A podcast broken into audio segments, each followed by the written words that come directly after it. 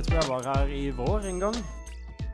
Eh, og da stussa jeg på hvem var det som pleide å sitte der, eh, og som ikke var her den dagen.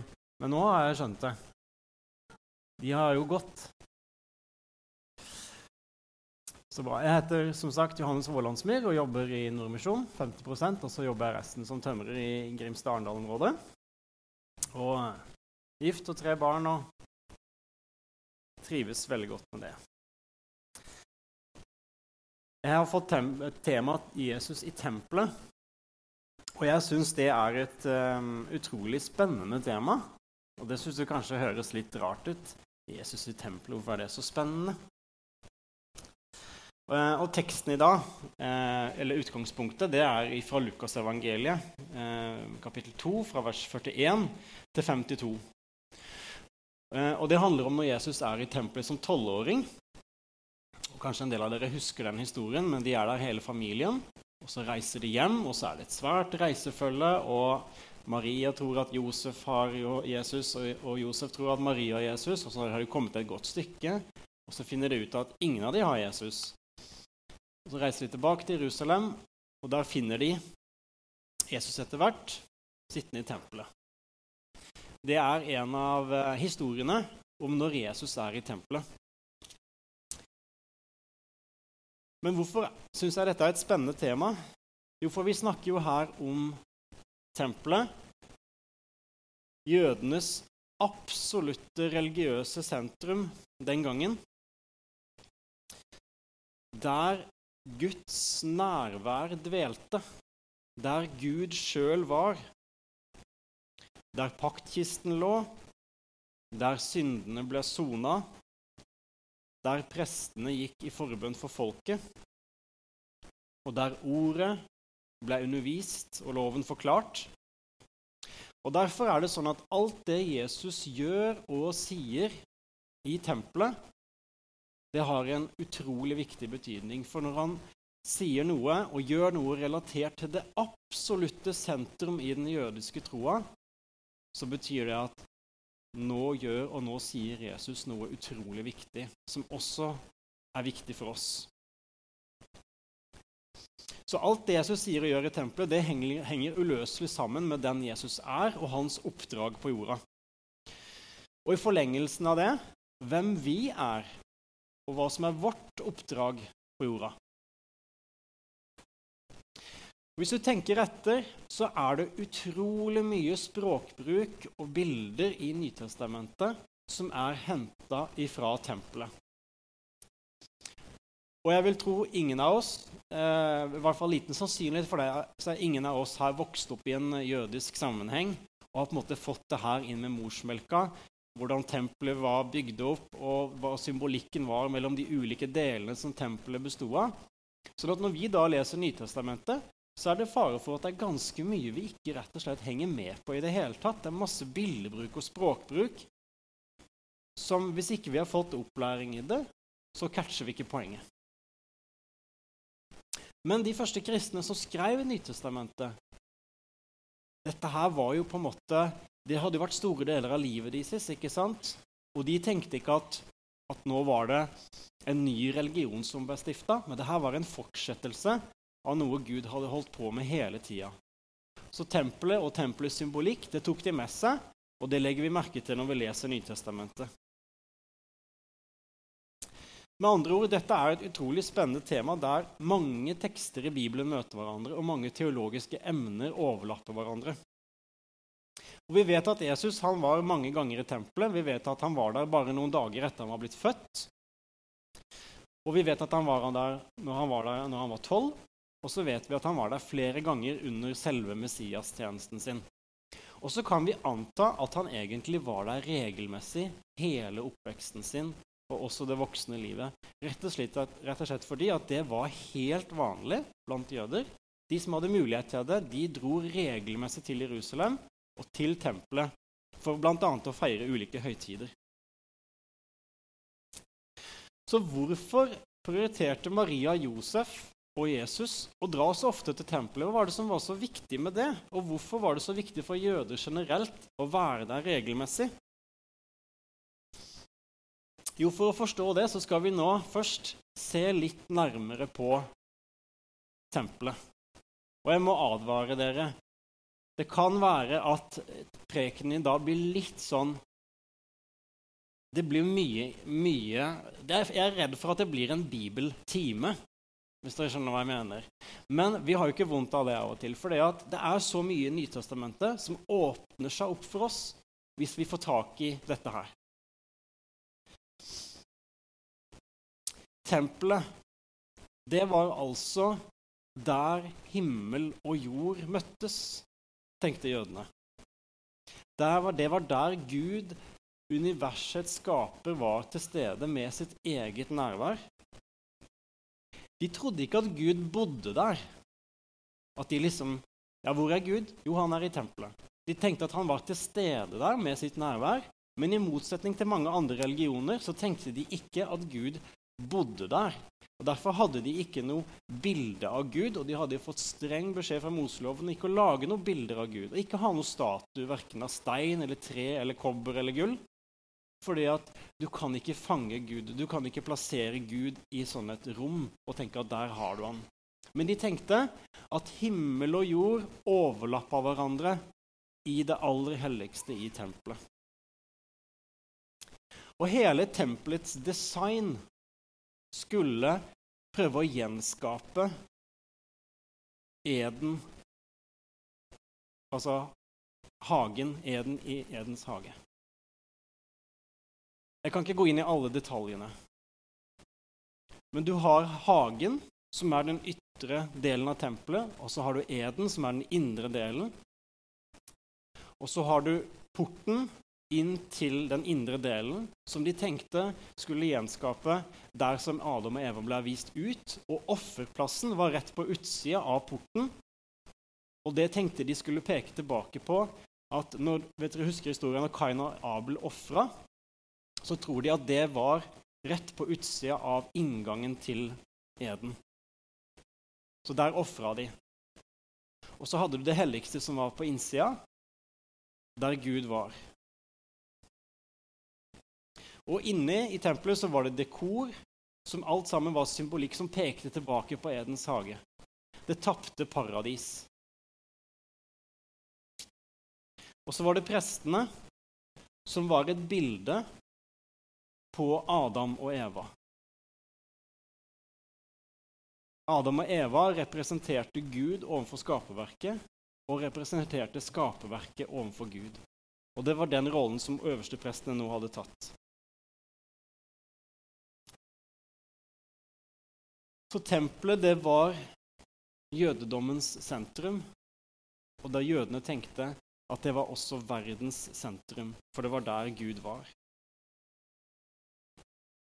Og Derfor, ut ifra det jeg forteller nå, så var tempelet så utrolig viktig i jødedommen. Så det Jesus gjør og sier der, har enorm betydning og er enormt eh, symbolrikt. Og Vi skal nå gå gjennom noen av de tingene som Jesus, eller noen av de møtepunktene mellom Jesus og tempelet. Både at han var der helt direkte, eller helt konkret, men også noen av de tingene han sa om tempelet. Når Jesus bæres til tempelet bare noen dager etter at han blir født, så er det to stykker som gjenkjenner Jesus for den han virkelig er. En dame som heter Anna, og en mann som heter Simeon. Og De tilhørte bibelforskerne tror det, at de tilhørte en gruppe i landet som de kalte for de stille i landet, som venta på Israels redning. Og de gjenkjenner Jesus, det lille barnet, som Messias. Og så har vi den historien som er utgangspunktet for i dag, når Jesus er der som tolvåring. Og når Maria sier det her hvordan kunne gjøre dette mot oss? Vi har vært så redde for deg. Så sier Jesus, 'Skjønner dere ikke at jeg må være i min fars hus?' Og så kan vi liksom tenke ja, det var jo greit for han å si, men det var utrolig uvanlig å snakke både om tempelet på den måten og snakke om Gud på den måten. Veldig uvanlig.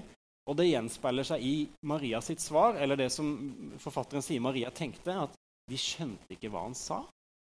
De skjønte ikke hva han sa. Hva mener du? Du må være med din far og din fars hus. Men Jesus foregriper her det som han utbroderer i, i detalj i Messias-tjenesten sin, nemlig at han snakker utelukkende om Gud som far. Og det var ikke helt fremmed for en jøde å tenke om Gud som far. Det er en del tekster i Gammeltestamentet der Gud snakkes som far. men Det, ikke, det var ikke vanlig, men det, var, det fantes. Men Jesus sier jeg som tolvåring at Gud er hans far. Og Så kommer vi til selve Messias-tjenesten, og der skjer det et taktskifte. helt klart. Nå har Jesus masse å si om tempelet, og han har masse å gjøre, tunge symbolske handlinger som han gjør i tempelet. Først Jesus underviser på tempelplassen. Det kan vi lese om flere ganger han gjør. Store folkemengder til og med samler seg rundt Jesus på tempelplassen.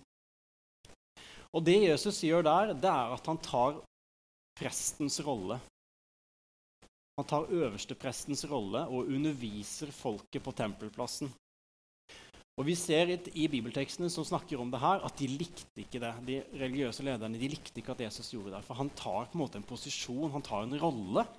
ikke sant? Og Flere ganger så spør de han sånne spørsmål som Hvilken autoritet har du til å gjøre dette? Og Undervisningen han gir der på tempelplassen, det skaker det religiøse systemet. F.eks. som når han sier at 'dere er nedenfra, jeg er ovenfra'. Ja, det var ikke populært å si. Det er ikke rart at de ble provosert av det. Og han sier f.eks. en annen ting 'Jeg og Faderen er ett'. Og det er en del kapitler i Johannesevangeliet som det er utrolig spennende hvis du leser det i ett drag. For der ser du bare hvordan stemninga blir hardere og hardere og mer intenst mellom Jesus og de religiøse lederne på tempelplassen, og der de til slutt prøver å steine han. Og Så kommer vi til en annen veldig tung symbolsk handling Jesus gjør. og Det er når han renser tempelet, som, som det så fint heter.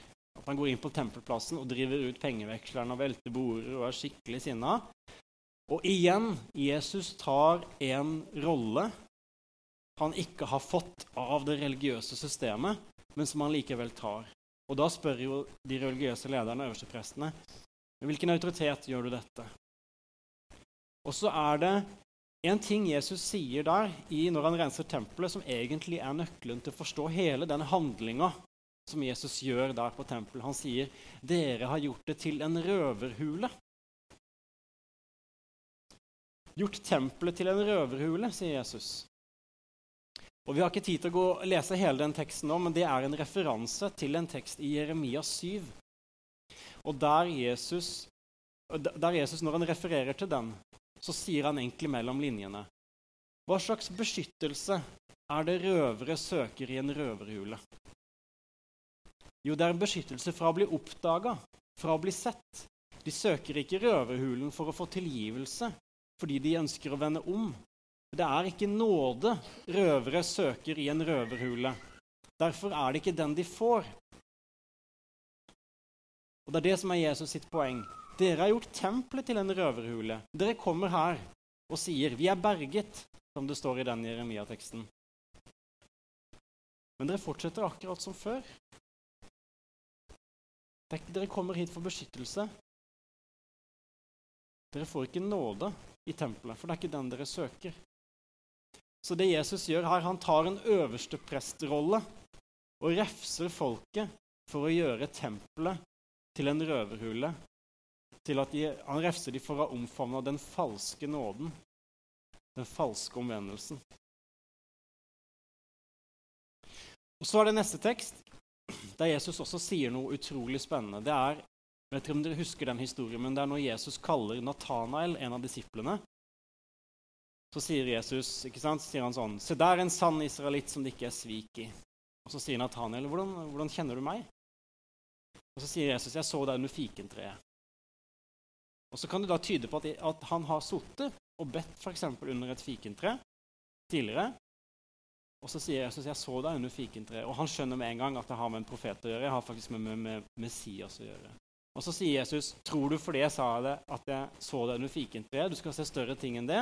Og så sier Jesus, som vi kanskje ikke umiddelbart catcher poenget men han sier sannelig, sannelig, jeg sier dere, dere skal se himmelen åpnet, og Guds engler går opp og ned over menneskesønnen. Da er vi i Johannes kapittel 1, vers 51. Og det Jesus refererer til der, det er den drømmen som Jakob har, stamfar Jakob. Jeg tror du husker den historien. Han drømmer, og han får et syn om at engler går opp og ned over jorda, fra himmelen og ned til jorda. Og så kaller han stedet Betel, Guds hus, eller der Gud bor. Og så sier Jesus at det, dere, det at himmel og jord møtes, det skal dere se skje med menneskesønnen. Refererer da til seg sjøl. Altså Jakobs drøm, som var egentlig en foregripelse av det tempelet som skulle bygges, der Gud og der himmel og jord møttes. Jesus sier det om seg sjøl, at himmel og jord skal møtes i meg, sier Jesus i dette sitatet fra Johannes 1,51.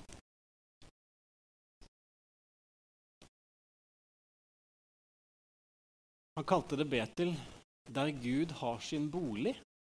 Og nå sier Jesus det om seg sjøl. Neste tekst det er en, også en kjent historie. Det er når Jesus snakker med denne kvinnen ved brønnen. Denne episoden der Jesus møter en, eh, en samaritansk kvinne. Og De har en samtale. Jeg kan ikke tid til å referere hele den. Men til slutt så sier Jesus til henne, 'Tro meg, kvinne, denne time kommer, da det verken er på dette fjellet, der samaritanerne holdt til, eller, eller i Jerusalem dere skal tilbe Far.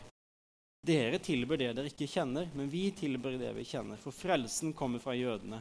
Men den time kommer, ja, den er nå, da de sanne tilbedere skal tilbe i Far og ånd og sannhet, for slike tilbedere vil Far ha. Det Jesus sier her, er altså at det kommer en tid der det ikke spiller noen rolle om hvor du tilber. Om du er i tempelet i Jerusalem, eller om du er på eh, samaritanernes hellige sted. For de tilbederne Gud vil ha, er tilbedere som tilber i ånd og sannhet. Så Jesus røper her, bit for bit med de tinga jeg nevner nå, at det kommer et stort skifte snart. Der tempelets betydning skal bli helt borte fordi at det er noe nytt og noe bedre som har kommet, nemlig han sjøl.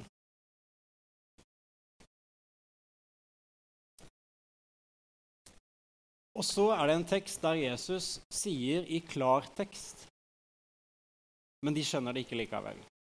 Og det er når Jesus sier, 'Riv ned dette tempelet, og jeg skal bygge det opp på tre dager'. Og de som står der, de svarer, 'Hæ? I 46 år har de bygd på dette tempelet, og du skal bygge det opp igjen på tre dager'. Og så står det, 'Men han talte om sin egen kropp'.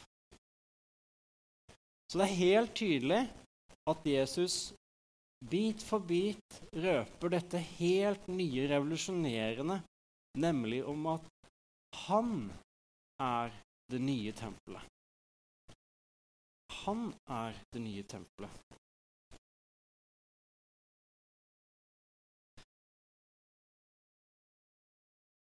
I 2. Samuels bok, kapittel 7, vers 12, så er det en profeti.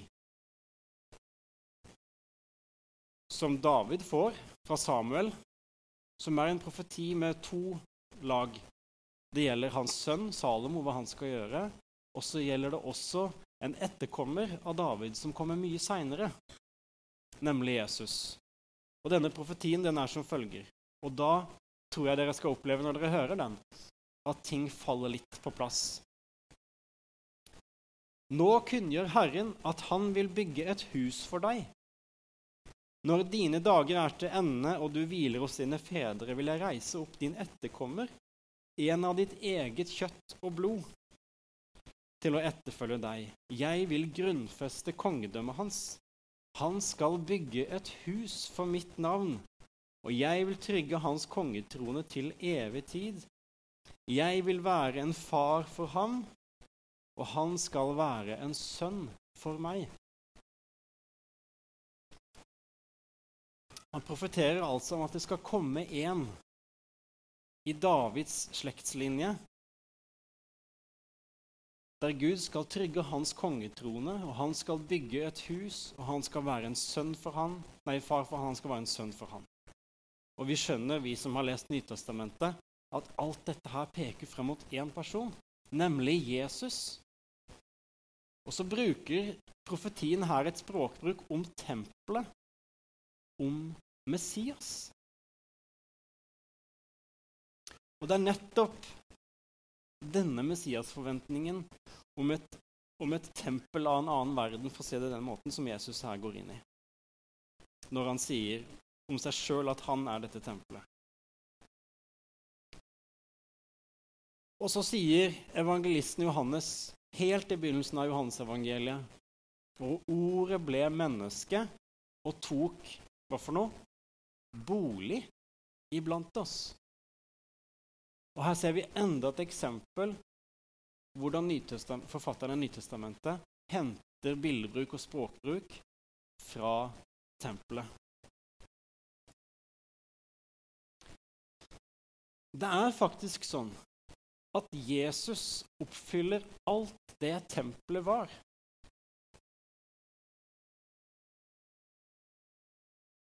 Jesus han er offeret.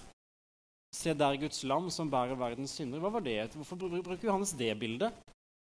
Jo, det er fra tempelet. Det er fra offerkulten, der de ofra lam for soning av synder. Og bare en sånn liten fun fact at når Jesus blir lagt i en krybbe på Betlehems marker, så er det også utrolig symbolrikt. For når øversteprestene dro til Betlehemsmarkedet for å velge ut de fineste lamma, så tok gjeterne og plukka ut de fineste lamma, og så la de de i en krybbe for inspeksjon fra øversteprestene. Og så blir Jesus lagt i en krybbe. Så han er offeret men han er også øverstepresten.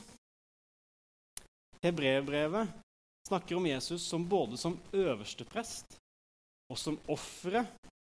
Og han omtales også som forhenget som ved sin død revner, sånn at vi kan gå inn i det aller helligste.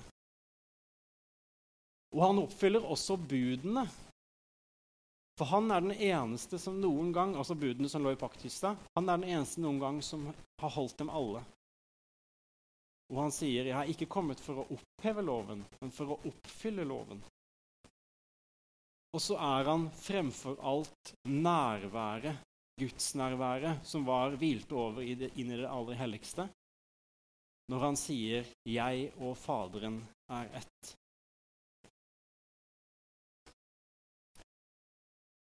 Han er der himmel og jord møtes. Han er den som der syndene blir sonet. Han er øverstepresten som går inn foran Gud på vegne av mennesket.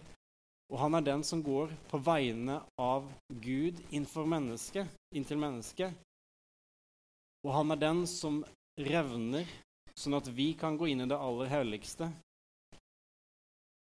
Og han er den som oppfyller og holder alle budene. Det er helt tydelig at Jesus sjøl og forfatteren av Nytestamentet var 100 overbevist om at alt det Jesus er og gjorde, er en oppfyllelse av det tempelet var, og det tempelet betydde. Og så kan du tenke ja, det er stilig liksom at det her henger sammen, og det er jo kult, det. Og Jesus liksom er det nye tempelet. Sånn, ja, det har vi lært det. Sånn, skal vi fortsette med hverdagen? Men så kommer vi til det sprengkraften i dette.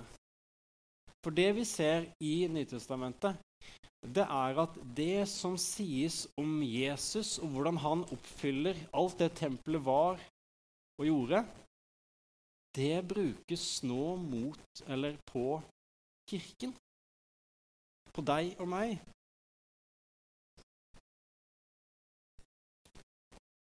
Koblingen mellom Jesus og tempelet overdras til kirken fra og med pinsedag. Paulus han sier i 1. Korinterbrev 3,16.: vet dere ikke at dere er Guds tempel, og Guds ånd bor i dere? Dersom noen ødelegger Guds tempel, skal Gud ødelegge ham, for Guds tempel er hellig, og dette tempelet er dere. Når vi får Den hellige ånd, så er, den, er det den mest sentrale oppfyllelsen av det tempelet var. Eller forlengelsen eller videreutviklingen av tempelet var. For det var det viktigste med tempelet, for det var der himmel og jord møttes. Det var der Gud var med sitt nærvær. Og på pinsedag så får vi Den hellige ånd, kirken, det nye tempelet.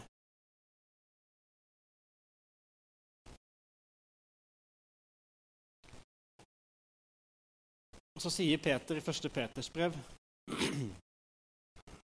Kom til ham, den levende steinen, som ble vraket av mennesker. Og bare allerede der så er vi i tempelspråkbruket. For hva var det tempelet var bygd av? Nemlig steinblokker. Som blir vraket av mennesker, men er utvalgt og dyrebar for Gud. Og bli selv levende steiner, som bygges opp til et åndelig hus. Bli et hellig presteskap. Hvor er vi? Jo, vi er i tempelet. Og bær fram åndelig offer. Igjen, hvor er bildebruken henta fra? Jo, fra tempelet. Som Gud tar imot med glede ved Jesus Kristus. Og I 1. Korinterbrev 12 så sier Paulus.: Dere er Kristi kropp, og hver av dere et lem på ham.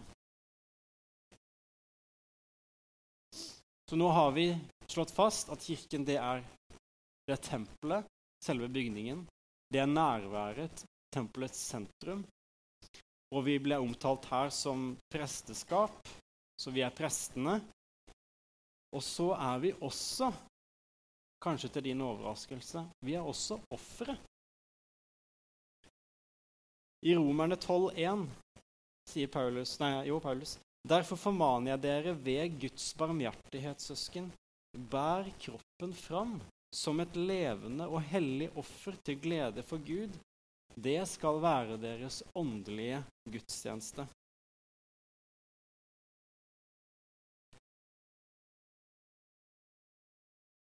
Og så, i 2. Korinterne 5,18, så sier Paulus men alt er av Gud, Han som ved Kristus forsonte oss med seg selv og ga oss forsoningens tjeneste. Igjen et bilde fra tempelet om prestenes rolle. Og så et direkte sitat fra Jesus. Det er helt tydelig at det som nå har vært hans kall, hans oppdrag, det overdras nå til oss. Han sier i Johannes 20, fra vers 21.: Igjen sa Jesus til dem, Fred være med dere. Som Far har sendt meg, sender jeg dere. Så åndet han på dem og sa, ta imot Den hellige ånd, det viktigste med tempelet. Dersom, dersom dere tilgir noen syndene deres, da er de tilgitt, og da er vi inne i offerkulten. Og dersom dere fastholder syndene noe, så er de fastholdt. Altså De to viktigste, viktigste tinga med tempelet, nemlig nærværet og soningsofferet, det overdras nå til oss.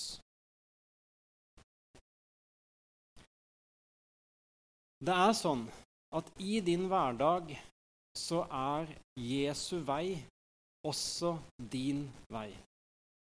Det å være en disippel av Jesus det er ikke å gå noen annen vei enn det Jesus gjorde. Vi skal ikke frelse verden. Det er det bare Jesus som kan gjøre. Men vi er hans utsendinger for å vitne om det han har gjort. Og en tekst som sier veldig klart at vår vei, det er også hans vei, det er når Jesus sier i Markus 10, 42. Dere vet, og da snakker Jesus om vanlige fyrster i, måte, i samfunnet Dere vet at de som blir regnet som fyrster over folkene, undertrykker dem, og stormennene deres styrer med hard hånd. Altså Han sier at verden generelt blir på en måte kjørt med disse premissene. På denne måten blir verden styrt. Men slik skal det ikke være blant dere. Den som vil være stor blant dere, skal være tjenerne deres. Og den som vil være først blant dere, skal være alles slave. For heller ikke menneskesønn er kommet for å la seg tjene, men selv å tjene og gi sitt liv som løsepenge for mange. Og Når Jesus vasker disiplenes føtter, så sier han, 'Jeg har gitt dere et eksempel.' Ingen tjener er større enn sin mester. Så det han sier, at det som har vært min vei og min måte, er også deres vei og deres måte.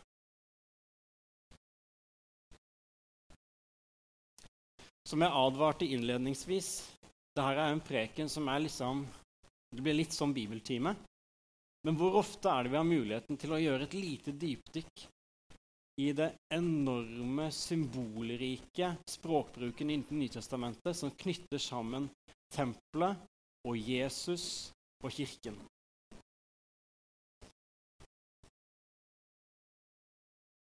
Og jeg tror Nytestamentet-forfatterne velger å bruke denne språkbruken fordi at den er så talende. Den er så talende, og det hjelper oss i å få tak i hvem Jesus var, og hva som var hans oppdrag, og hvem vi er som Guds folk, som hans tempel, bærer av Den hellige ånd med forsoningens tjeneste og alt det der osv. osv. Og så håper jeg at neste gang du blar opp i Nytestamentet og leser litt, og møter en del av de her bildene og orda som brukes, så plutselig så begynner du å koble på en ny måte mellom Gammeltestamentet og Nytestamentet. Og plutselig så blir bibellesninga enda rikere. Kjære Jesus, jeg takker deg for at vi i dag fikk gjøre et sånn et lite dypdykk i ditt ord og se hvordan alt henger sammen. Og så ber vi Jesus om at den enorme utfordringa vi var inne her på slutt, om at nå er det vi som er tempelet, nå er det vi som er Guds hus. Jeg ber om at det må oppmuntre oss til å følge deg i hverdagen vår i alle de variantene den kommer. Vi ber om det i ditt navn, Jesus. Amen.